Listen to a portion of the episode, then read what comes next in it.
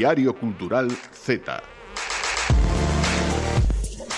Estamos xa nunha idade na que os soños infantís non son máis que iso, soños infantís.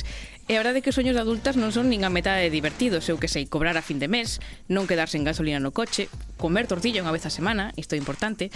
Temos que volver máis a eses recordos infantís, aínda que estamos a tempo do que sei de ser astronautas, se queremos, eh, mesmo como mulleres, agora sabemos que non hai profesión que non este ao noso alcance. Temos referentes e non do século XIX, temos referentes actuais nos medios de comunicación e nas nosas amigas, porque a representación importa. Se hai algunha nena escuitándonos co soño de ser xornalista, que saibas que podes, aínda que nós non o recomendamos. Bos días, boas tardes, boas noites dentro do Estudio Multimedia da Radio Galega Eh, Silvia, Marta Que tal? Hola, moi boas mm, Antes de matricularvos en xornalismo, Vos tiñades algún soño? Tuve moitos eh, De pequena antes que de ser veterinaria Claro, de cativa máis veterinaria Despois vas crecendo e diste Por que non cantante? Canto ben? No, pero soñar é gratis precisamente Eu quixen ser mm, durante pouco tempo Afortunadamente meteoróloga Meteoróloga. Eh, non me preguntes por qué, si... Pero iso está super guai duroume pouco. Esa Este verdade. foi por ver a Miro Pereira en pratos combinados dar ser o home do tempo, verdad? Puido ser, non, non recordo o dato, pero... Sí, despois xa me pasou, eh? Xa veño eu, rego. Eu imitaría a Mabel Montes todos os días. É genial. Fantástica. eh, pero aquí temos moitas pantallas, eh? Podo probar un día. Podes Un probar. día no Z podemos dar o Podemos parte. dar o parte. xa, mira, xa demos as necrolóxicas, claro, é o que facémolo nos falta pensando dar o tempo. Sí, exacto. Sí, sí. Hoxe non vai ser o día. Moitos soños frustrados temos, eh? Demasiados, eu creo. Mm. Agora conformámonos un pouco con, con vivir. E algunha vez soñastes con ser hacker? No, a verdade, o sea, se queres digo engánate. Minte, Silvia, di que sí. Non é o caso, non me vexo con esas habilidades que hai que ter. Pois eu teño que decir que houve unha temporada na que vi unha serie que se chamaba Mr. Robot, eu dixen, Bueno, eh, non estaría, mal. estaría guai, pero... Seguro que cobran ben. Despois descubriremos a ver como está o, o soldo de, de hacker, como se cotiza, porque imos falar con Elena Castro, que a ver, eu imagino que hacker, hacker, hacker non é, é experta en ciberseguridade que pero soa máis, máis soa máis ético. Eu que sei, xa falaremos con ela. Temos tamén colaboracións de dúas fantásticas personas como son Tamara Andrés e Ana Vaz. Uh -huh. mm, temos tamén videoxogos? Sí, temos... Non, exactamente. Bueno, temos, hai que falar como estamos agora nestas datas, acaba de sair a serie, a esperada serie de The Last of Us 2 e imos falar Bueno, dous no, de Last of Us a primeiro, secas. Primeiro sale a primeira, logo claro, sale a segunda, non? Se non sería un pouco confuso. Eh, imos, imos falar a ver que tal, porque ten críticas, ten reseñas moi boas. Vale, moi ben. E temos máis lado Padornelo. Increíble. Cando foi a última vez? Eh, Que tive hai dúas semanas, tampouco pasou tanto. Como hai dúas semanas? Se hai dúas semanas era Nadal e estábamos de vacacións. Pois antes de Nadal. Pero eh, hai antes dous, Nadal, pro, hai dous programas, por así decirlo. Mm, para mí pasou moito tempo. Pasou moito tempo. E moitas cousas polo medio. E moitas cousas. Morreu moita xente polo medio. Estou incid incidindo moito nas, nas sí. mortes, pero porque algo ten que ver algo con iso, sí. sí. entón, nada, feitas as representación, podemos comezar xa a hackear. Música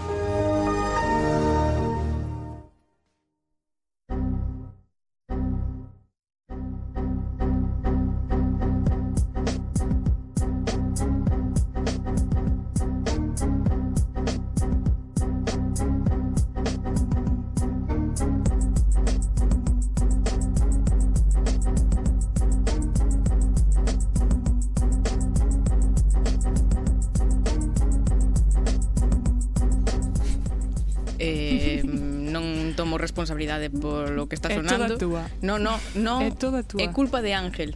Porque eu estaba, antes de entrar aquí, estaba buscando en internet canción sobre hackers, non me foi moi ben esa pescuda, entón petinlle axuda a... A seu proceso que hai detrás. o proceso de investigación, sí, sí, cancións de hacker, non hai. Entón atopamos este Windows XP Rap é que, Ángel que me parece ten maravilloso. Ángel ten unha canción para todo, eh? Preguntas e dixe cousas máis raras. sí, sí. O caso é que esta primeira entrevista que temos preparada para hoxe é posiblemente das cousas máis mm, arriscadas, diría eu, que fixemos neste programa, porque deixamos pasar o estudio da radio a unha hacker. E se ben é certo que o noso programa, pois, llevería bastante ben un hackeo así en profundidade, non un pouco de, de limpeza, non nos gustaría poñer en risco a complexa rede informática de inteligencia que temos na Radio Galega. O caso é que a emoción por entrevistar por primeira vez neste programa a unha hacker estaba sobre todo o sobre todo os riscos, sobre todo o demais, non? Uh -huh. E por iso hoxe convidamos a Elena Castro. Elena, benvida. Que tal, Elena? Hola, grazas. Bos días. Creo que estou dicindo demasiado a palabra hacker. Vai me soar xa mal. Non pasa nada, está permitido, está permitido presentaste a xente como Olas, chamo Melena, son hacker suelo Molaría decir, bastante Suelo decir que sou experto en ciberseguridade Porque queda máis Iso tamén mola, máis ¿eh? serio. eh? Máis elegante, non dis traballa de verdade sabes? Pero eh, realmente sí que é verdad que hai Muitísimos do, do sector que siguen loitando día de hoxe para que hacker se son a profesión, porque mm. o que conocemos como un hacker clásico que ven sendo un ciberdelincuente, non? Claro, porque ten esa connotación negativa, sí. pero realmente... No. Realmente, que ti sesas hacker quere decir que, pois como os vídeos de TikTok ou de calquer rede social de tres hacks para tal, quere decir que ti usas algo doutro xeito. É dicir, os conocimientos que eu adquirín de informática e todo eso, pois en vez de usalos de forma clásica para programar ou así, utilizos de outra forma, non ou as webs e intento pois rompelas ou ter acceso a elas. Pero non ten por que ser con connotación negativa. Eu todo o que fago, por exemplo, no ámbito laboral, obviamente está firmado por, por mm. contrato, é, é legal, queremos é legal. Pensar que sí, queremos pensar que sí. Pois nada, seguimos utilizando hacker e eh, sí, diante, sí, non, que pensei que, era, pensei que era unha palabra incorrecta. Eh, en plan que o de experta en ciberseguridade era o máis eh, pois iso, o correcto do para chamarlle a xente do teu oficio, pero está ben reivindicar a palabra hacker, así que imola reivindicar. Sí. Aquí todas as reivindicacións. E peticións, porque ti tes unha. Sí, eh, a ver, isto non é para min, é para unha amiga. Ti... Ti saberías descubrir o contrasinal dun correo da CRTVG? Depende. Depende de, de que outros segundos factores de autenticación teña e... Nada, ningún, non? Podese mirar, podese mirar. A mí me preguntas. Non, é que o contrasinal é o meu e non me acordo, entón patía me falta. Podemos, podemos mirar Lucía, despois. A ver, isto non sorprende a ninguén, houbo que anotalo en libretas alleas Sí, que eh, é a versión Eu teño moita confianza en Silvia, de feito eh, teño as miñas os meus contrasinais sí. están apuntados na súa libreta. Ainda así non é suficiente. Ou podes ter a confianza en Silvia de utilizar os seus contrasinais para facer o que tens que facer, que eso é algo que a mí tamén me pasa. Non descubramos segredos que non fai falta descubrir. pero, imos a falar de cousas sí. serias, eh, que se non pensa Elena vai pensar que estamos vacilando, e eh, non. Pero a ver, como chegaches ti a ser eh, hacker, experta en ciberseguridade? Que hai que estudar Vale, non, non é tan lineal como parece, nin hai só un camiño. Eu traballo con compañeiros que son enxeñeiros de telecomunicación, eh, outros son de ciclo... Non, ao final o que tes é que ter certos... Hai xente de feito que o único que fai é ser autodidacta, porque ao final en informático bo é que non necesitas nada, necesitas un portátil. E o coñecemento está todo na, na rede, hai que saber buscalo, non? Entón, eh, no meu caso, non tiña nada claro que quería facer informática Mm. Eu quisen pois de todo tamén, desde astronauta hasta cantante, hasta que me dixeron, a ver, pero xa estamos en selectividade, sabes, tens que pensalo de verdad. E dicen, bueno, pois ingeniería informática porque me gustan así un pouco os rompecabezas, o tema das mates, a lógica. E bueno, tirei tirei por aí e cando estaba en informática doume por ciberseguridade. E dixen, vou a mirar a ver que hai cando estaba en primeiro de carreira. E o que fixen foi a, a vez que estaba facendo a carreira de forma paralela pola miña conta, mirei moito, moito, moita información, fixen moitos CTFs, que é de Capture the Flag, captura a bandeira, non? E son un pouco... Eu eso xoguei no campamento. Sí, pois ben, é, ben, sendo o mismo, pero nunha web. Ah, Ai, xa non che. Ou nun ordenador, non? entón, tío, que fase? Intentar romper a web para buscar esa bandeira. Igual que cando estás facendo así un xogo de, de rapaces. Pero é o que son como xogos de hackers. Somos un pouco raros, non? Encanta. Eh. Pois pues a min gustan moitos os xogos. Sí. Eh. Unha preguntinha, Marta, entón... cando unha sección de xogos de hackers. Eh, temos lo que falar, non? Las dúas e xa bueno, negociamos, claro, claro, claro, negociamos. Eu quería che preguntar que, claro, ti decías que estabas en primeiro, que tuveches que buscar pola túa conta. Uh -huh. Non había na, na carreira suficiente formación sobre ese ámbito da ciberseguridade? Eu creo que enxeñería informática enfócase un pouco máis a tema de programar, tema de administración de sistemas, e sí que enfocan ciberseguridade no sentido de programa seguro. Uh -huh. Sabes, para que despois, pero non no no sentido de atacar. Entonces era un pouco que, que ti claro, facer. picar un pouco, claro. romper por aí cousas e dicen, vou a mirar, no? De feito na carreira de ciberseguridade en sí solo hai unha asignatura e das en cuarto, que creo tamén que, bueno, agora que cambiou o plan de estudios creo que hai dúas, unha terceira e unha en cuarto pero creo que aínda que se meta algunha máis non eh, terán medo de que de que ti eres hacker no bo sentido da palabra, pero igual teñen medo de que salga algún hacker no mal sentido. Claro, a USC facíalle falta un hacker. Eh, pois, eh. é un pouco o que falamos sempre, non? Canto máis se profesionalice e canto máis profesionalizado este, ao final o que se vai a facer é que haxa traballo deso de forma legal e evitas un pouco todo o que hai o outro lado, non? Hmm. Que é verdad que sempre vai a estar porque, bueno, o tema da ciberseguridade, todos os hackers así do lado negro, por así decirlo, fai o ano pasado, se non recordo máis, moveron máis cartos que o tráfico de drogas. Entonces, claro, estáse é moi fácil conseguir mandar un ransomware a unha empresa, pedir un rescate, e claro, a ti si tes todos os datos cifrados, compensache pagar e non en algúns casos non, e non meterte xa en líos. Entonces, de aí tamén Estou salen flipando. Faite unha pregunta porque eu non podo, de verdade. No, é que me chama a atención que supoño que será un perfil super demandado día, o sea, na uh -huh. actualidade, non, por empresas, entidades, etc. Entón que me chama a atención que a propia carreira Estás de enxería informática no, a ver, é onde tema serio. Sí, sí, pero que por, por que me metes? Porque eu, eu, é un tema moi serio. O caso, que, que me chama a atención que a, a, o grau de Enxeñería Informática non este máis centrado niso, que é verdade que hai novas titulacións que sí que están enfocadas máis cara a ciberseguridade, uh -huh pero como que falta aí. Sí, eu creo, creo que ten unha razón, a razón é que para que ti sepas romper algo, non, imagínate, un portátil para saber montalo e desmontalo, ti tens que saber como funciona. Entonces, mm. para poder eh, intentar entrar nunha web ou nun sistema, tens que primeiro saber programar ben e saber como se fai ben para ver onde pode estar mal feito. Non sei se si... No, sí, se ten un sentido Isto como, todo. como os cadros claro. que os a, a, pintores que pintan así máis abstracto teñen que saber o que pintar ben para, para facelo mal. Mal, o sea, non mal, perdón. Vamos a ver, para, ataque para a arte abstracto así gratuitamente. Bueno. No, no, no, no, no. Expliqueime mal, pero sí que se entende. Kandinsky flipao falábamos antes da, da connotación negativa dos hackers, eu creo que moito ten que ver tamén pois, polo audiovisual, no? ou pola, pola ficción en xeral, porque mm. tanto en libros, en pelis, en series, pois iso, os personaxes de hackers son como frikis raros, mm, medio malvados, personas así un pouco atormentadas, entón sí, sí virá un pouco Sí, pa, non somos todos con capucha negra que vamos de brazos cruzados pola no, calle vemos, mirando eh, para baixo. Pero bueno, é verdad que é algo que ti podes facer na túa casa solo con ordenador, entonces realmente sí que hai moita xente que é friki, bueno, eu son friki e non pasa nada, claro, non? No, no. Eh, entonces, todos somos frikis. Eh, Correcto. estás co teu ordenador na casa, e bueno, pois non tes por que salir, non? Eu teño moitos compañeiros que, claro, é unha profesión que permite o teletraballo, entonces uh -huh. hai xente que non é moi sociable ou que non é moi extrovertida e que pois é unha profesión que lle, que lle encaixa ben. Mm. entonces creo que non vai de todo desencamiñado en algún sentido, pero bueno, o papel de malos bueno, é un pouco de, de película, non? Pas, pasa na realidade tamén. Pero ti traballas nun, Pero... nunha empresa, non? Uh -huh. que, que tipo de, de cousas faz? Sí, eu traballo en, en Duinite, que é unha empresa de Santiago de, de ciberseguridade. Nos o que facemos son auditorías externas.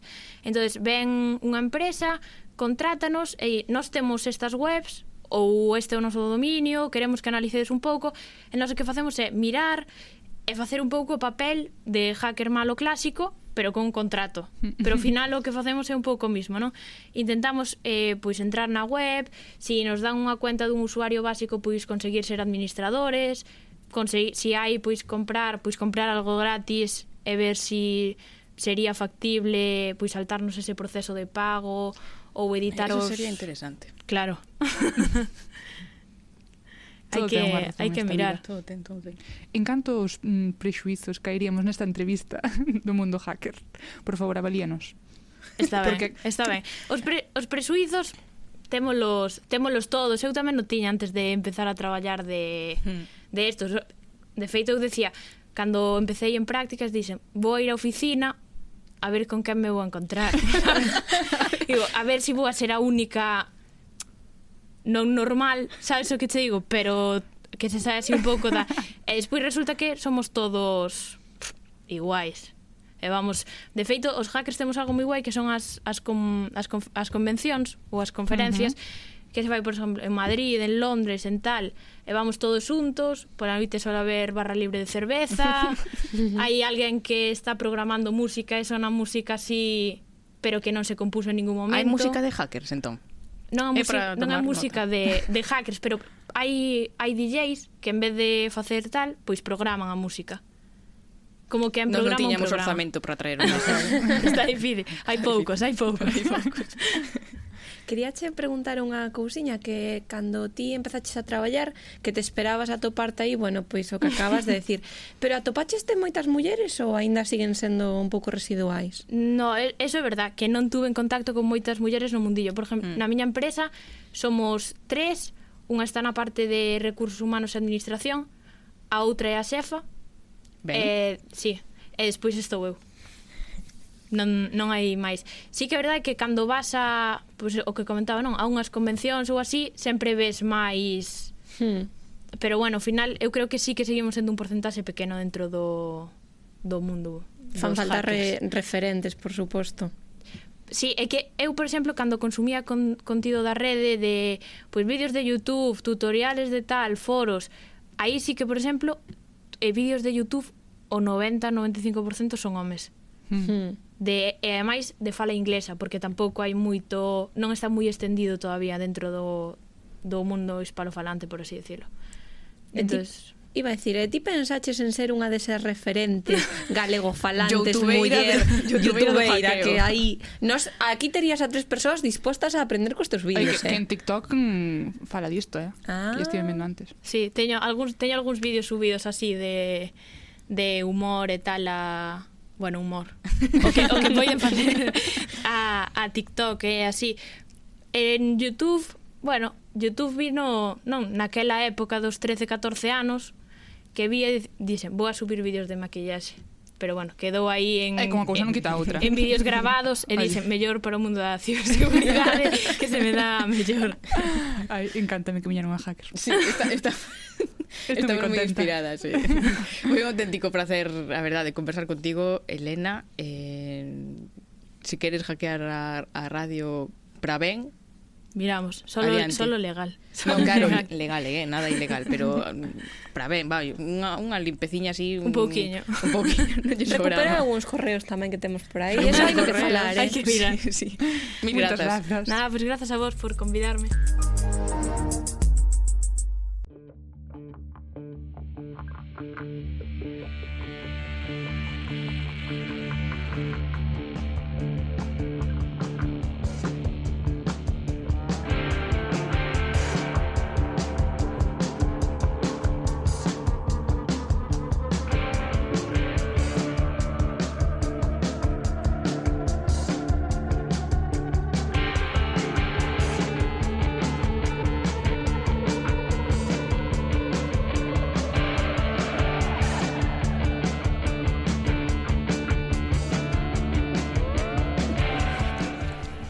Tamara Andrés. Ola, Lucía Junquera. Que eh, tal? Aproveita Oxe, sí. que temos aquí a Elena Porque o mellor a, a páxina web do Centro Ramón Piñeiro Para investigación en humanidades non lle sobraba tamén unha... eh, Non podo falar disto Ah, por vale, contrato. por contrato non te permitido falar Entón, de que te permitido falar?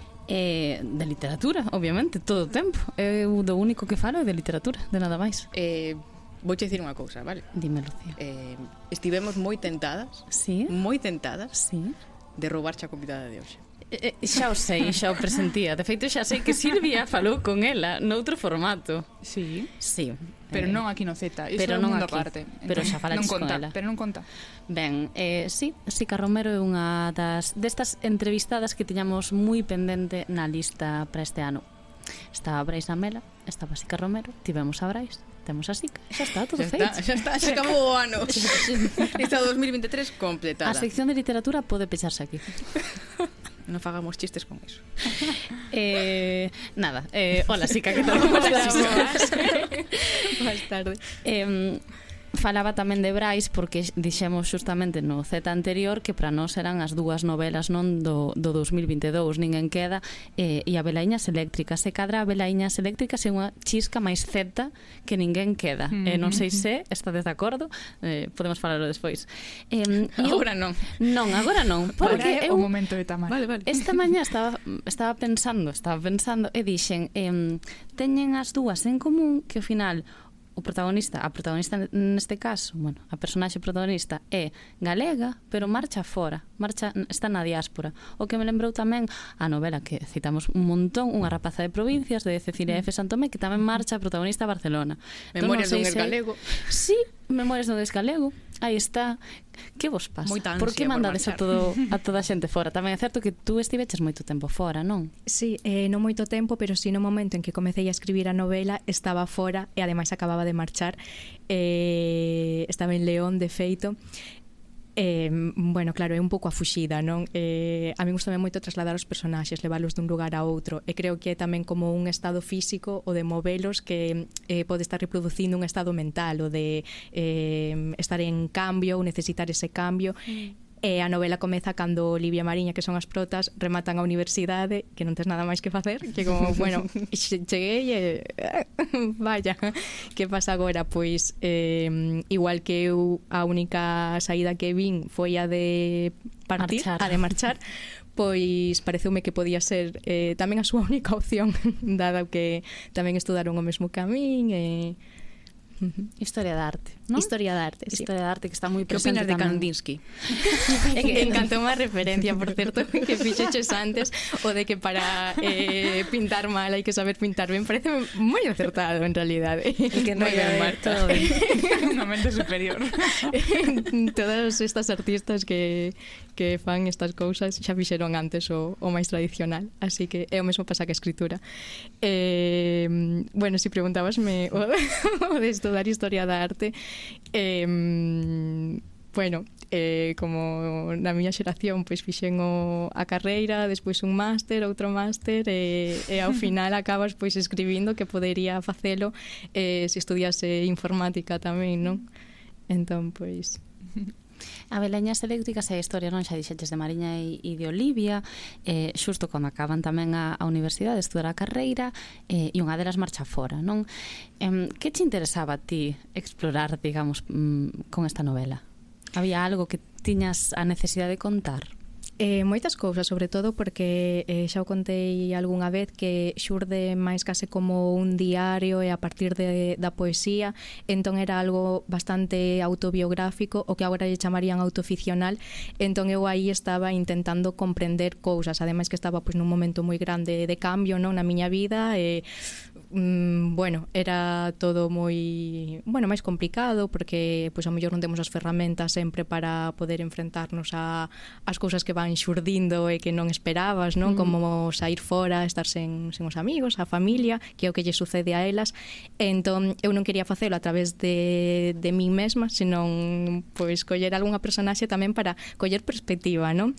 E a través delas, pois, pois conseguir entender algunhas cousas un pouco mellor. Eh, por iso se tratan temas que eh, mm, bueno, eu creo que a calquera xeración, non? Pero sobre todo xeración Z millennial, que eu estou aí un pouco no, no límite, eh, nos preocupan moito como a saúde mental, eh, o, bueno, a precariedade, a incertidume ante o futuro, eh, a violencia, eh, bueno, todos estos temas que, que están aí e que son os que os que eu necesitaba explorar. Vin que moitas entrevistas tamén se preguntan polo uso da linguaxe que faz, uh -huh. non? Porque ao final a, a novela está escrita en linguaxe dialectal da Costa da Morte. Uh -huh. eh, e fixe, bueno, xusto falabas agora, mencionabas a referencia á poesía, non? Porque é certo que na poesía galega sí que se fai moito sí. e non utilizar a linguaxe normativa. Eh, na novela se cadra non tanto, pero sí que é certo que é como unha corrente eh, na literatura española, non? Eh, onde, sobre todo, autoras novas pois fan tamén ese uso da, da linguaxe propia, na, da linguaxe dialectal. Penso, por exemplo, en Paza de Burro, que foi sí, así como sí. o referente. Entón, ti tiñas algún destes referentes na mente cando escribiches? Ou foi algo que se deu de forma natural? Sí, sí que tiña estes referentes. De feito, eh, A novela ao principio non estaba escrita nesta linguaxe dialetal, pero pois precisamente comecei a ler eh, algunhas autoras eh, latinoamericanas que utilizan moitísimo a oralidade, despois xa xurdiu eh, tendo moitísimo máis peso, polo menos eh, aquí, eh, Panza de burro, non, de Andrea Abreu, que deu o bombazo, eh, eu xa o que estaba escribindo nese momento era moi oral, imitaba moito a oralidade, e sen embargo con, con Olivia, que a personaxe que utiliza o dialecto capitalismo e mm, había cousas que non me non, non cadraban, non porque ela é da zona da costa, usaba oralidade, pero sin ajeade ou se seo propia da zona da costa. Entón, eh, pois foi un cambio que fixen nun día eh, no momento en que rematei de ler Panza de burro. Básicamente a pregunta eh, que me fixen, que lle fixen en realidade a unha amiga, E, eh, bueno, esta amiga é eh, Susa, eh, te, eh, bueno, eh, é unha profesora que eu tiven e que me axudou tamén neste proceso. E mm, foi eh, por que eu non podo escribir entón como, como falo cos meus avós e como aprendín a falar que despois foi algo que eh, sobre todo en público e así non fago porque unha costume que me quitaron dende, dende nena que eu mesma quitei por, por que Olivia non pode falar así? Mm e a súa resposta foi, pues, bueno, sí que pode. Claro. Dixen, ah, pois é verdade, sí que pode. claro. Entón, eh, un pouco xurdiu da, da envexa, non? De, de, de ler ese libro e dicir, jo, que, que chulo, quero, non? que guai, eu tamén quero, porque non podo, e si podía. Que ben. Eh, bueno, sei que ti liches a novela, seguro, sí. non sei se vos tamén. Sí, sí. Eh, sí? sí, sí. Que opinades isto de que un, pode ser un clásico Z? Non? É dicir, unha novela moi Z. Pero acaba de escribila, dixelle un tempo. Digo, Además, falamos case sempre de autores mortos. Por favor, Ay, por favor. Tamara. Estás te metendo nun terreo eh, tétrico. Eu o eh, que quería dicir é que é unha obra moi zeta. Isto é como, a iso me refiro. Dedicamos as letras galegas así que a Romero, sí, pero ten que levar 10 anos morta, por favor. A ver, que son no, se me está que, que, que, que ir cambiando, pero non pasa paso nada. Paso a paso.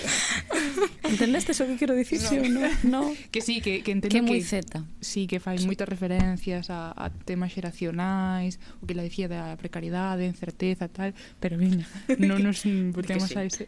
Grazas, que, sí.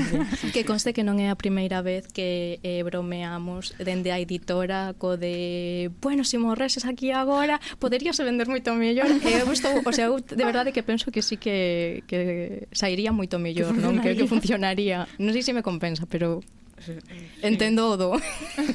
bueno, xa está. no, está, pareceme ben, eh, que que, que fa... morra. No, no, no. Facer chistes con iso a mí gusta que a mí de verdad, eu non sei que me pasa. Pa, teño algún problema, pero encántame facer chistes coa morte. Non vexo ben. eh, creo que temos que ir che, rematando. Recordo che que sí. rematamos o 2022 lendo un poema sobre un corvo que che ven, que che ven chamar pola morte, Grandioso, así que non estín Eduardo quen para falar. Eh, veña, imos xa pola recomendación lectora. sí. Eh, para pechar este non perdámolo tempo. Non sei que. Bueno, como xa, xa me avisaras de que de, de esa recomendación estive dándolle moitísimas voltas e eh, ao final voume decantar polo, polo doado eh, traio a dúas en galego eh, que xa non necesita recomendación porque está aí moi presente pero eh, non penses nun elefante rosa de Antía Yáñez que me parece eh, tamén falando bueno, pues de, de temas actuais como a saúde mental e, eh, e toda esta preocupación que, bueno, que, que é bastante importante. Mm. e ademais está maravillosamente escrita. E despois en castelán eh, gustame moitísimo Elisa Victoria. Eh, eu lin solamente dúas novelas súas e non sei se ten algunha máis pero son Voz de Vieja e El Evangelio. E a verdade que tamén eh, moi da, da nosa xeración eh, trata temas cos que nos sentimos moi identificados e a min encantaronme encantaron máis dúas. Eh, estaba pensando en facer outras recomendacións así máis excéntricas, pero bueno, está moi ben. Muchas recomendar as eh, unidade, non, de de, de eh, de Alba Doval. Estamos sí, abusando das recomendacións de Sica. Estamos abusando. Estaba pensando que algo que tamén vende moitos libros é ser da realeza. Ah, eh, é mellor que morrer. É mellor que morrer, casar un príncipe, unha princesa, eu vexo. A ver, podemos traer a, a realeza aquí. española, oh. no, pero podemos. Podemos. podemos traer, sí. Eu, eu creo, creo que, que viría. Se sentiría moi Eu iba a decir así que, bueno, que morrer non está contemplado, pero hai xente moza na, na realeza con quen poder ter polo menos unha fer para que os teus libros... Mariña, que con Leonor, non sei, Sofía. que fantasía. Que, esa narrativa gusta, vai que explorar. Dixa, dixa con quen queiras. Sería maravilloso. mellor, mellor para vender libros. Además, se me das mans que, que te forro. Xa non tens que escribir máis. Xa, con escribir isto xa tes solucionada a vida. Eh, Nada, grazas, Ica. Moitísimas no grazas pola convidación. Non o farei. Espero. Tamara, ti tampouco, eh. Que lean a velañas Eléctricas. Eu sí. xa non pido máis. Máis, pouco máis temos que dicir.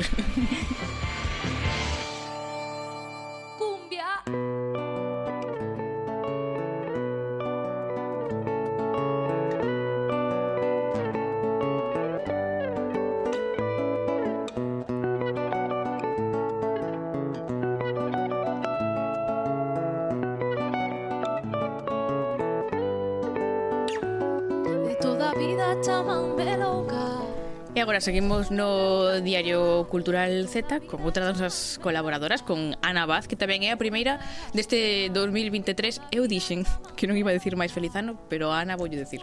Feliz ano, Ana. E aquí xa, por favor, fin. Hola, Lucía, feliz ano. feliz ano as, as tres. Para ti tamén. Feliz ano, Ana. E ademais é que hoxe estamos en modo é que xa sempre estamos en modo Z porque pon aquí detrás, pero hoxe en modo Z e incluso máis Z que a nós porque o tema que nos fala hoxe Ana, mm, xa me dirá se, se, se estou errada, pero é moi, moi, moi zeta, xa casi pisando a seguinte xeración. Sí, a verdade é que sí. Quisen empezar así non este percorrido que facemos eh, polos proxectos de artes escénicas cun, cun contido moi, moi zeta. Eh, neste caso imos falar de Adolescentes, que é un monólogo cómico creado e interpretado pois pola actriz Mariña Lestón. Adolescentes é un monólogo cómico que retrata a sociedade actual dende o punto de vista dunha adolescente e que fala de todos os estereotipos que se nos achacan ás novas xeracións, pero poñendo o foco no outro, no resto de persoas que nos xulgan polo simple feito de ser. Así que penso que de forma sinxela e clara podería definilo como unha especie de reivindicación cómica que nos recorda que ao final ninguén de nós é normal a ollos da sociedade. É menos mal. Sí, eh, ademais, ela agora, Mariña, temos que aclarar que non é adolescente agora, ten xa 20 anos, pero vai nos contar non como adolescentes naceu das inquedanzas da Mariña de 16 anos que comezou a escribir un día pois un monólogo, unhas primeiras liñas e como se foi eh, completando non ese monólogo coa visión que ten ela agora aos 20 anos da, da vida, non? Adolescentes nace da frustración da Mariña de 16 anos por non encaixar no que a sociedade me dicía que tiña que ser Así que un día, cabreada, sen saber moi ben onde ia chegar o conto, escribín as primeiras frases do monólogo. Ola, chamome Mariña Lestón, teño 16 anos e gustaríame deixar clara unha cousa. Non son unha adolescente. Porque así mo fixeran crer. Eu pensaba que a adolescencia era seguir unha serie de patróns que eu non cumpría. Así que me fixeron rexeitar un pouquiño esa etapa vital. E pasaron os días, saíron as primeiras páxinas, pero ao final quedou todo un pouco no olvido. E anos máis tarde, penso que xa entrara na SAD, atopei por pura casualidade o arquivo e fíxome moita gracia porque eu non me lembraba del. Así que decidín retomalo pero dando o punto de vista dunha mariña un pouco máis adulta e introducindo temas máis diversos. E agora con 20 anos, pois nestas andamos, intentando levar a miña mensaxe por Galicia adiante. Sí, así un é interesante, non a historia desta desta peza. Eh, eh, temos tamén que dicir que, que adolescente xa pasou por algúns lugares, xa tivo algún pequeno percorrido, estivo no café de 4 a 4 en Vigo, estivo no Salón de Actos de Fisterra, no CPI da Picota e tamén na Praza do Lugar de Láncara. Porén, é un, é un tema que tamén coido que é interesante para, para falarmos aquí no Z, uh -huh. é que a pesar dos apoios cos que foi contando Mariña non ao longo do, do ano 2022, pechaba o ano dicindo nas súas redes, non? Nas súas redes sociais que ao longo do, do 2022 aprendera moitísimo a convivir coa frustración do non, non? De sempre ter a resposta do mm. non, coa burocracia, non? Con enfrontarse pois, a todos esos correos electrónicos, non? Que, que non teñen resposta, ou esas reunións, non? Pois que non teñen resultados, eh, que dificultou que pudese ter novas datas para a peza e que cree que isto tamén pode ter moito que ver coa, coa idade que la ten, non? E, e pola xeración a que pertence, por ser Z, vamos. Sí que é verdade que atopei moito apoio, pero moitas veces é un camiño un pouco desmotivador, porque noto que o ser o meu primeiro proxecto profesional e tamén moi ligado á miña idade, os programadores e as programadoras custalles un pouquiño confiar en se será un proxecto de calidade ou non. Pero penso que é moi importante destacar que hai que dar un voto de confianza ás novas xeracións. E non o digo só por min, porque penso que hai xente moi válida e moi formada que está intentando entrar en sectores que moitas veces son estancos. Eh, pois pues, non que ten toda a razón, non? Que como vemos aquí no, no Z todas as, todos os programas, non? Pois hai moitos proxectos emerxentes de xente nova que están a crear cousas moi interesantes e que tamén merecen ter oportunidades, non? Algo que sempre poñemos en valor. Pero podemos avanzar que hai unha data xa confirmada para este 2023 para quen queira ver adolescentes que vai ser o 11 de marzo en Cultura pola Gorra no Centro Cultural Nautilus eh, organizado por Loengrin Teatro en, en Vigo eh, deixamos a iso aí, non? Eh, se vos parece, pois afondamos un poquiño na, na dramaturxia, non? Do espectáculo. Uh -huh. Que é unha peza na que Mariño pois quiso que estivesen nunha peza de máis que como falábamos é moi Z, non? Pois que estivesen moi presentes as linguaxes e os códigos da, da xeración Z, pero abordando tamén as diferenzas e as similitudes que hai entre as diferentes xeracións eh, nun espectáculo no que o espazo sonoro cobra unha especial importancia. Cando comecei a traballar no texto, pareciume moi importante saber xogar cos códigos da miña xeración e tentar ir máis alá do propio monólogo. No escenario só eston eu, un taburete cun pano tradicional e unha radiocasete. Pero xoga un papel moi importante o espazo sonoro, os audios que se van introducindo ou a propia música, para así poder xerar os diferentes universos que aparecen nel. Outra das ferramentas que utilizo é a creación de personaxes. O monólogo está en primeira persoa, pero moitas veces dende un eu ficcional, outras moitas non, outras moitas dende as miñas vivencias, pero tamén aparece pois a bella rexoubona do pueblo, o madrileño que chega ao rural como descubridor, as influencers, Fantasía todo. todo, todo. Ah. Sí, está todo aí combinado nun, nun cóctel explosivo, pero, pero moi chulo, non? E además así moi original. Eh, tamén adolescentes, como, como está concibido, non?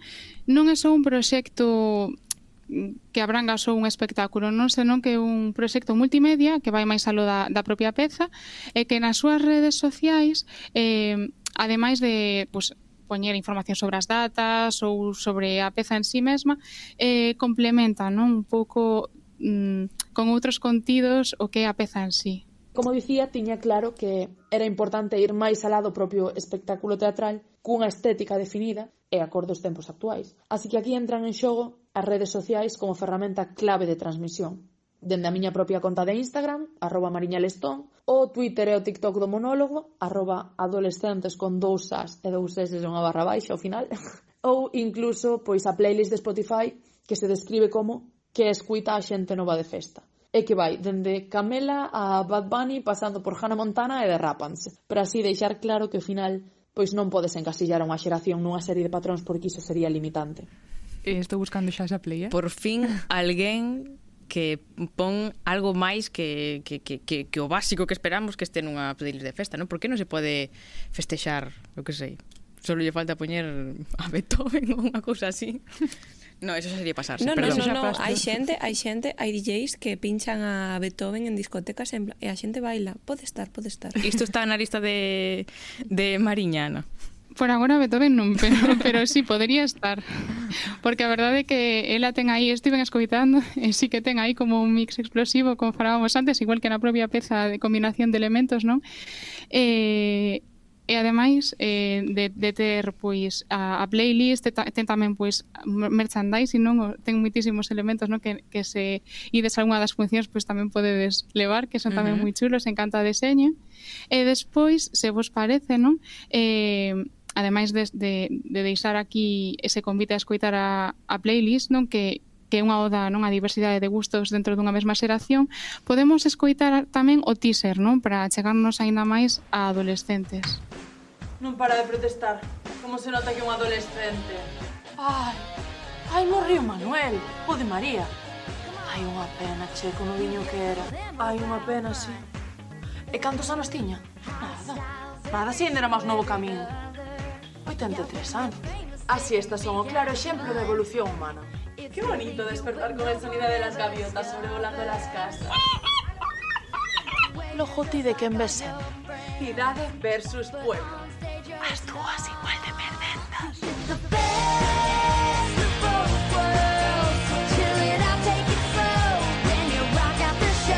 Hola, son Mariña Lestón, teño 20 anos e gustaríame deixar claro unha cousa.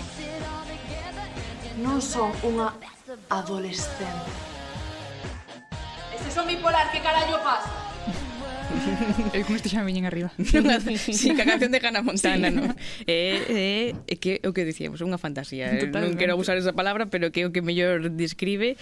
Así que despois de escutar este teaser de adolescentes eh, non podemos facer outra cousa que lembrar pois eh, as redes de, de Mariña Lestón onde podemos seguilas a verdade é que Esa play. a rede, a, a, creo que era o Instagram de adolescentes mm, era un pouco complicado. Tiña dous as, dous S. Dous as, dous S, unha raya baixa. No, Aquí, no, arroba creo que era TikTok, sí. Ah, o ah, TikTok. Ah, con, dous a, con dous as o dous S eh, eh, barra baixa ao final. Vale, ben, eh, agora sí. Pero, por suposto, o que hai que facer é vela en directo, non? Era o día 11 de marzo en Cultura pola Gorra, no Centro Cultural Nautilus en, en Vigo, así que aí deixamos ese, Anotamos. ese convite. Eh, Ana, moitísimas grazas. Moitísimas grazas a vos.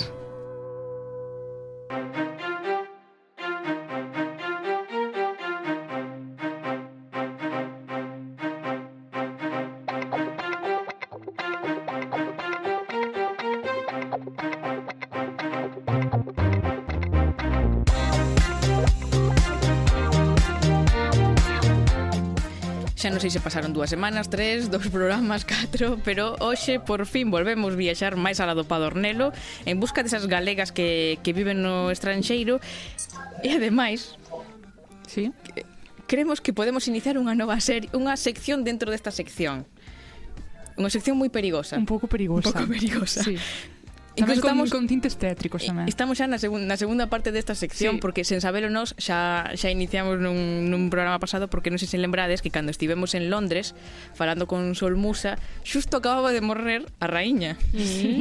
Pillamos aí a, a Sol na efervescencia, bueno, efervescencia, mm, no loito, vaya, que pareces tú unha festa, no, no, no, no loito. Xa dixaste que che gustaba facer mm, sí, chistes con iso, así sí, que da igual. Perdón, non perdón. te cortes. Pois pues é que esta semana Dixemos, que morreu? morreu un papa. Pois vamos a Roma. Por que non? Pero sempre o peda da noticia. Eu, o mellor é que foi sin querer. Ah, nos dous casos foi sin querer. Sí. Non éramos conscientes de que estaba morrendo xente polo mundo e que queríamos visitar eses lugares. A ver, isto de momento non nos asustamos. Se de repente temos un máis alado padornelo en Brasil, xa de preocuparse, porque tamén morreu Pelé. É verdade. Entonces, bueno, vamos pouquiño a pouquiño e son casualidades. Morreu tamén o rei este de Grecia. Temos temos moitos sitios que temos viaxar, moitos, eh? sí, sí, sí, moitos, sí. moitos mortos, aínda que Polo momento que, que a Roma. Polo, polo momento a Roma, que ali onde está Marina García, García Dieguez Marina, que tal? Hola, boas tardes. É que claro, temos que preguntar por pola morte de de Vieito 16, vou poñer voz eh, si ponte seria, seria intentao. Eu intento, eu intento, pero como viviches ti como xornalista dende dende Roma este este episodio? Bueno, digamos que para un eh, corresponsal a morte dun papa é casi o evento eh, informativo máis importante da súa carreira. Eh, tuvemos sorte esta vez, digo sorte, entre comillas tamén, eh, porque o Papa Francisco, digamos que deu un aviso aos xornalistas eh, aquel mércores eh, dicindo que a situación de Benedito XVI eh, empeorara nas últimas horas Eh, así que digamos que a maquinaria xornalística se puxo en marcha tres días antes ou catro de que, de que sucedese co tempo para, para prepararse, porque, bueno, igual que o funeral da, da reina de Inglaterra, da rainha de Inglaterra, é, eh, é todo un mecanismo bastante complexo e que eh, moitos días de traballo, moita preparación... Eh, entonces digamos que, bueno, foi foi bastante máis fácil eh, eh, máis interesante, no, no, digamos que non nos deixamos levar por, o, por a tensión e por o estrés, e porque tamén foi un, un digamos, unha despedida bastante descafeinada, se poso, se podo decir, se podo usar ese término, porque non houve un conclave, un conclave despois, como sucede con outros papas, era un papa que, como xa saben os ointes, eh, xa renunciara, así que digamos que foi todo bastante atípico, eh, e non foi tan estresado como outras veces, senón agora, agora o mellor non podería estar con todas vos porque estaría preparando un conclave. Claro, eh, fumata branca, claro. esas cosas. Pero máis alá da maquinaria xornalística, nas rúas como se estaba vivindo iso? nas rúas eh, moito menos que na morte de, de outros papas. Recordemos que, que Benedicto XVI levaba retirado dez anos desde que hmm. foi elexido o Papa Francisco, entonces eh, ter estado durante todo este tempo, digamos, lexos da, do escenario público, tamén o desvinculou moito da sociedade, eh, ademais foi un papa que estuvo entre dous papas moi carismáticos, eh, Papa Francisco e Joan Juan Pablo II, entonces a súa figura non era tan, entón a súa figura non era tan representativa, de feito esperábanse moitos moitas máis persoas das que logo estiveron na praza que foron unhas 60.000 cando foi o funeral de, de, de Xoan Pablo II foron uns 3 millóns de persoas que estaban por toda Roma. O sea que, que foi bastante bastante máis relajado que, que podría ser noutras ocasións pero sí que é certo que a solemnidade do momento, eh, o gran mecanismo non, non, é bastante impactante eh, para calquer persona. De feito, moitos, moitos turistas eh, que estaban en Roma esos días eh, sin ter unha gran devoción por Benedicto XVI acercáronse á Basílica, a ver o corpo, un pouco como era eso, porque non é que, que ocorre tantas veces na vida que estás en Roma de viaxe e morre un papa. Pois non, a verdade que non. Parece que chamamos un pouco Marina para falar do papa únicamente, e non chamámola porque é unha galega de Monterroso que está vivindo no estranxeiro, en Roma. Entón, contanos un pouco como, como chega chegaches aí? Bueno, eh, eu, eh, eu fixen un Erasmus eh, fai cinco anos aquí en Roma, estudiaba xornalismo, estudaba xornalismo na Universidade de Santiago. E o último ano terminei no aquí en Roma, foi unha con un namoramento completo desta cidade eh, porque Roma é unha cidade fantástica porque é unha capital europea que non perdeu casi nada a súa esencia, digamos. Sigue sendo, unha, como decía Enrique González, que era un, un corresponsal eh, del país que estuvo aquí moito tempo, que Roma seguía sendo imperial, mm. que convivía aínda na época imperial, non como se non pasaran dous mil anos. Pois quedeime completamente enamorada, despois volvín a España, eh, vivía en Madrid, pero tiña esa espiña clavada e quixen volver, xa, ca, xa fai casi dous anos e traballo aquí como xornalista para, para algúns medios españois. Uh -huh. E como é vivir en Roma? Ti que xa non eres nova, que xa levas en total, poñamos que tres anos. Ah, vale, nova claro, en Roma, pensei claro, que, que estamos Roma. chamando no, peña. No, no, no. Por favor, se si tan usted é por algo. como é vivir por alá? Notas algunha diferencia con vivir en Galicia? Claro, sí, sí. Eh, eh, eh, Roma, Italia é un, é un país moi contradictorio, aínda que eh, os galegos eh, en xeral tamén os españoles pensamos que somos moi parecidos eh, aos italianos porque todos somos latinos, compartimos o mar Mediterráneo, eh, no sur de Europa, eh, é fácil, eh, entendémonos moi facilmente, eh, falamos todos linguas latinas, etc. Eh, en realidade, Italia é un país moi diferente a, a España. Eh, en tantas cousas, eh, é, un, é un país no que a veces se dá a sensación de vivir nos anos 70 e a veces se dá a sensación de vivir na actualidade, non? Ten esa parte un pouco retro, eh, se, seguramente tamén moi influenciada por a presencia do Vaticano, non? Eh, literal e... Eh, eh, eh, figurada. Eh, eh, bueno, é un país eh, menos parecido a, a Galicia e a España do que pensamos, pero un país moi fácil, eh, a xente moi acolledora, eh, ten un clima maravilloso, con moitos días de, de solo ano, eso sí que é gran diferencia con Galicia.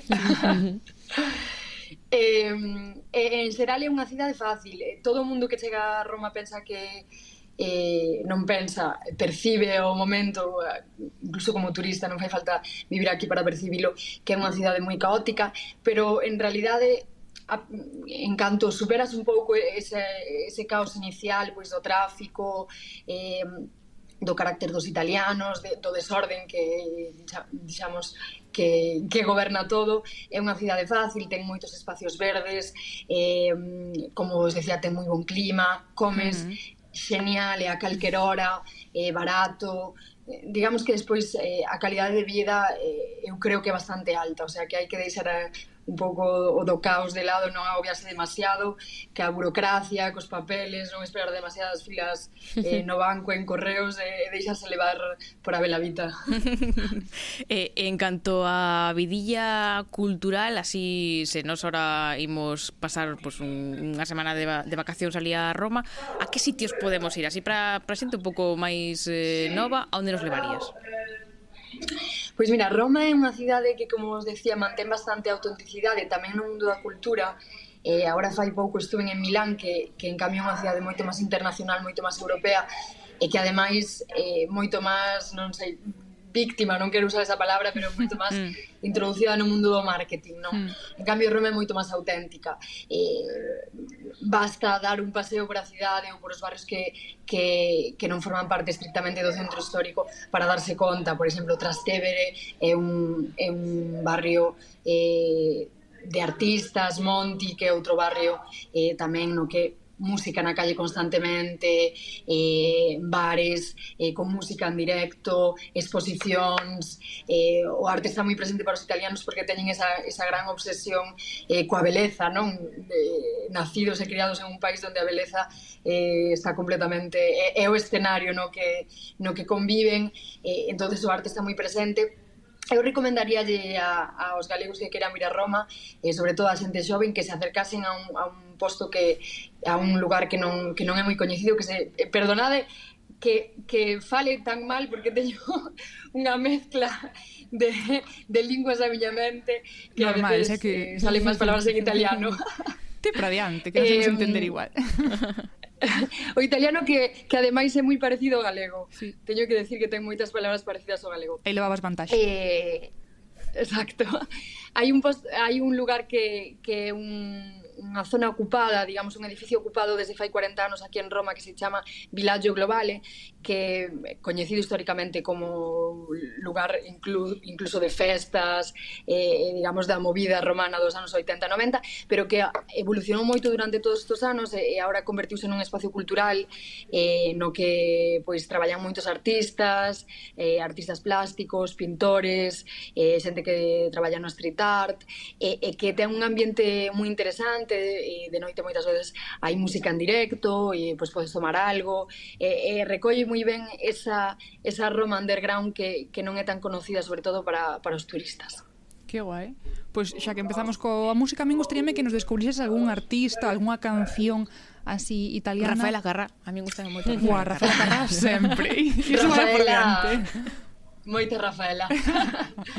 no, eu quería eu quería poñervos a Lucho Dala, que non é unha, unha de, unha descoberta para tanta xente, é un cantante que morreu fai 10 anos e que moi presente nos 70 nos, nos 80, pero que acaban de facerlle unha, unha exposición aquí no centro de Roma que a van a alargar uns meses máis.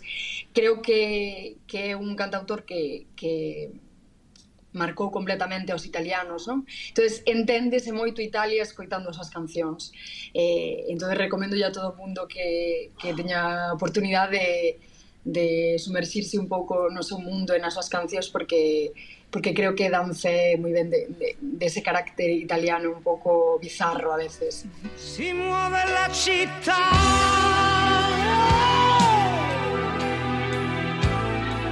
Con le piazze, i giardini e la gente nei bar. Galleggia e se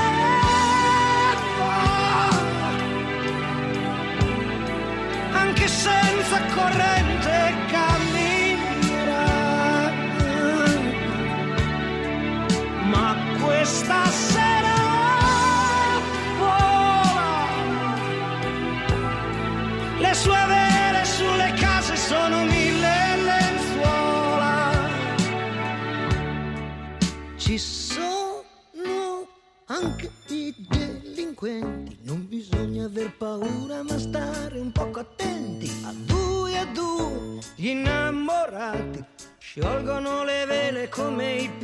occhi e in mezzo a questo mare